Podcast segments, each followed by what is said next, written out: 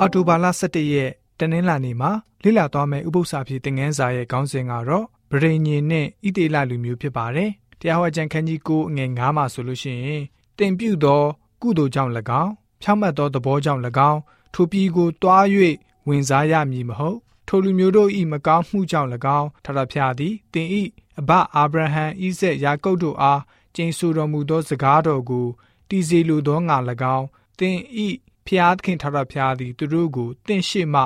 နှင်ထုတ်တော်မူ၏ဆိုပြီးတော့ဖော်ပြထားတာတွေ့ရပါတယ်တရားဟောကြံခန်းကြီးကိုငွေ29မှာဆိုလို့ရှိရင်ဘယ်လိုမျိုးဆက်ပြီးတော့ဖော်ပြထားလဲဆိုတော့ကိုတော်ဤကျွန်အာဗြဟံဣဇက်ယာကုပ်တို့ကိုအောက်မေ့တော်မူပါဤလူမျိုးသည်ခိုင်မာသောသဘောရှိ၍ပြစ်မှားမိသောဒုစရိုက်အဖြစ်ကိုမှတ်တော်မမူပါနဲ့ဆိုပြီးတော့ဖော်ပြထားပါတယ်။ခုနကကျမ်းချက်တွေကိုကြည့်လိုက်တဲ့အခါမှာ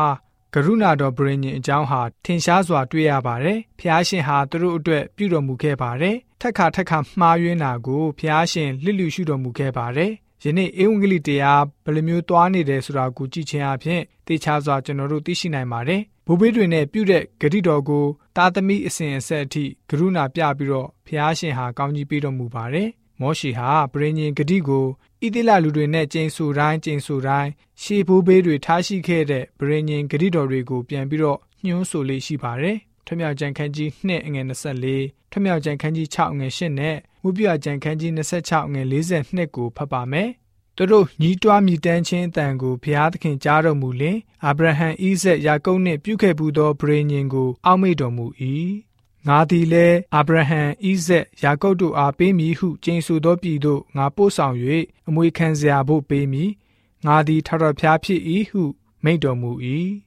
ငါသည်ယာကုပ်နှင့်ပြုသောဗြေညင်ဣဇက်နှင့်ပြုသောဗြေညင်အာဗြဟံနှင့်ပြုသောဗြေညင်ကို၎င်းထိုပြည်ကို၎င်းငါအောက်မေ့မည်ဆိုပြီးတော့ဖော်ပြထားတာတွေ့ရပါတယ်။အကတုပြည်ကထွက်လာတဲ့အခါမှာ ကြီးကျယ်လာတဲ့ဖျားရှင်ရဲ့ကဲလွတ်ခြင်းဂရုဏာတော်ဟာလည်းပဲရှေးဘိုးဘေးတွေနဲ့ပြုခဲ့တဲ့ဗြိဉ္ဉ်ဂတိကိုအခြေပြုပြီးတော့ဖျားရှင်ပြုခဲ့တော်မူခြင်းဖြစ်ပါတယ်။အဲ့လိုဗြိဉ္ဉ်တွေမရှိစဉ်ကဖျားရှင်ရဲ့ဂတိတော်ဟာသူတို့ရဲ့အလယ်မှာရှိပြီးသားဖြစ်ပါတယ်။ဘယ်ကောင်းမှုကုသိုလ်မှမရှိသည့်တိုင်သူတို့ဟာကျွန်အဖြစ်ကနေလွတ်မြောက်ခြင်းအခွင့်ကိုရရှိခဲ့ပါတယ်။ထွက်လာတဲ့အချိန်မှာဖျားရှင်ဟာသူတို့အတွက်နမိတ်လက္ခဏာပေါင်းများစွာကိုပြသပေးခဲ့ပါတယ်။အဲ့ဒါနဲ့မပြီးသေးပါဘူး အကတုပြည်ကနေထွက်လာပြီးတော့ဘယ်အရက်ကိုသွားခဲ့ကြသလဲတိနာလို့ခေါ်တဲ့အရက်မှာတရားဝင်ဗြိဉ္ဉ်တိဆောက်ဖို့ရောက်ရှိခဲ့ကြပါတယ်အင်ဝိကလေးနဲ့ပြည့်ညတ်တို့အခြေခံတဲ့ဗြိဉ္ဉ်ကိုတိဆောက်ခဲ့ပါတယ်အဲ့ဒီဗြိဉ္ဉ်ကတော့ပြည့်ညတ်တော်10ပါးလို့သိရပါတယ်သူတို့နာခံလိုက်လျှောက်ဖို့ဖျားသခင်နဲ့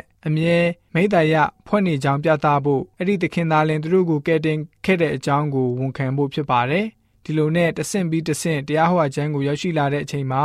ပြည့်ညတ်တော်ကိုနာခံဆောက်ထင်းပြီးတော့သူတို့ရဲ့ဗြိဉ္ဉ်အစိတ်ပိုင်းအဖြစ်သတ်မှတ်စေခိုင်းခြင်းခံရပါတယ်။တိနာမှာပေးတဲ့ပြည့်ညတ်တော်ကိုအလေးထားဖို့ဖြစ်ပါတယ်။ယနေ့ဖျားသခင်ပေးတဲ့ပြည့်ညတ်တော်ဟာကျွန်တော်တို့ရဲ့အသက်တာမှာဘယ်လိုမျိုးအရေးပါနေသလဲဆိုတာကိုပြန်လည်ပြီးတော့စဉ်းစားကြည့်ပါ။ကျွန်တော်တို့ဟာဆိုရင်ကရုဏာတော်ကြောင့်ကယ်တင်ခြင်းခံခဲ့ရကြတာဖြစ်ပါတယ်။ပြည့်ညတ်တော်ဆိုလို့ရှိရင်ဖျားရှင်ရဲ့ချစ်ချင်းမေတ္တာပေါ်မှာတိဆောက်ထားတဲ့အရာဖြစ်တဲ့အတွက်ကျွန်တော်တို့ယဉ်ကျေးသူများအနေနဲ့ မိမိတို့ရဲ့ဘောတတာမှာ